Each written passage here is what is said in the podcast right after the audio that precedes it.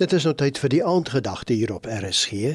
Dit word vanaand aangebied deur Rudy Silje, emeritus pastoor van die Lede in Christuskerk in Boksburg. Goeienaand. Ja, dit is nou vandag Menseregte Dag en ons het Menseregte Dag gevier en ek wil so 'n bietjie net praat oor menseregte dan nou. In Genesis 1 vers 26 lees ons en God het gesê: "Laat ons mense maak na ons beeld, na ons gelykenis." En laat hulle heers oor die visse van die see en die voëls van die hemel en die vee en oor die hele aarde en oor al die diere wat op die aarde kruip. God het ons na sy beeld en gelykenis met ander woorde gemaak as heersers. Ek het so 'n bietjie gaan kyk wat sê Wikipedia oor menseregte om 'n definisie te kry. Wikipedia sê menseregte verwys na die basiese regte en vryhede waarop alle mense geregtig is wat dikwels geag word as sou dit die reg tot lewe en vryheid, vryheid van denke en uitdrukking en gelykheid voor die reg insluit. Die Verenigde Nasies se universele verklaring van menseregte stel dit soos volg: Alle menslike wesens word vry met gelyke waardigheid en regte gebore. Hulle het rede en gewete en behoort in die gees van broederskap teenoor mekaar op te tree.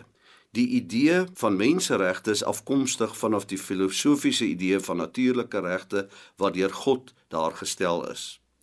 Wanneer ek dink aan God wat die mens na sy beeld en gelykenis geskaap het om te heers, dan dink ek daaraan dat God het ons van sy eienskappe gegee en hy het ons gemaak nie om onder die omstandighede te lewe nie, maar om bo kan die omstandighede te lewe boonbehalwe die basiese menseregte van vryheid, gelykheid en broederskap, gee God vir ons deur Jesus Christus die reg tot redding, tot verlossing, tot verzoening met hom en uiteindelik ook 'n oorwinnende lewe en die ewige lewe. Dit is vir my so wonderlik om te weet dat God het sy seun gestuur.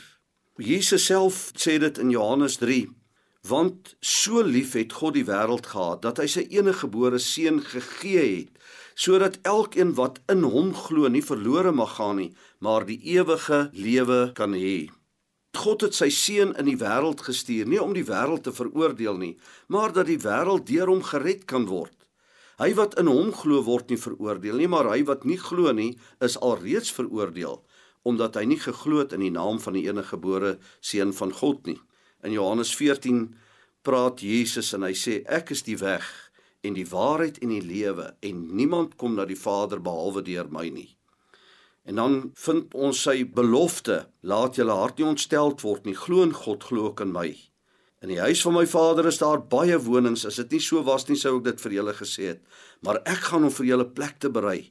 En as ek gegaan en vir julle die plek berei het, kom ek weer en sal julle na my toe neem sodat julle ook kan weet waar ek is.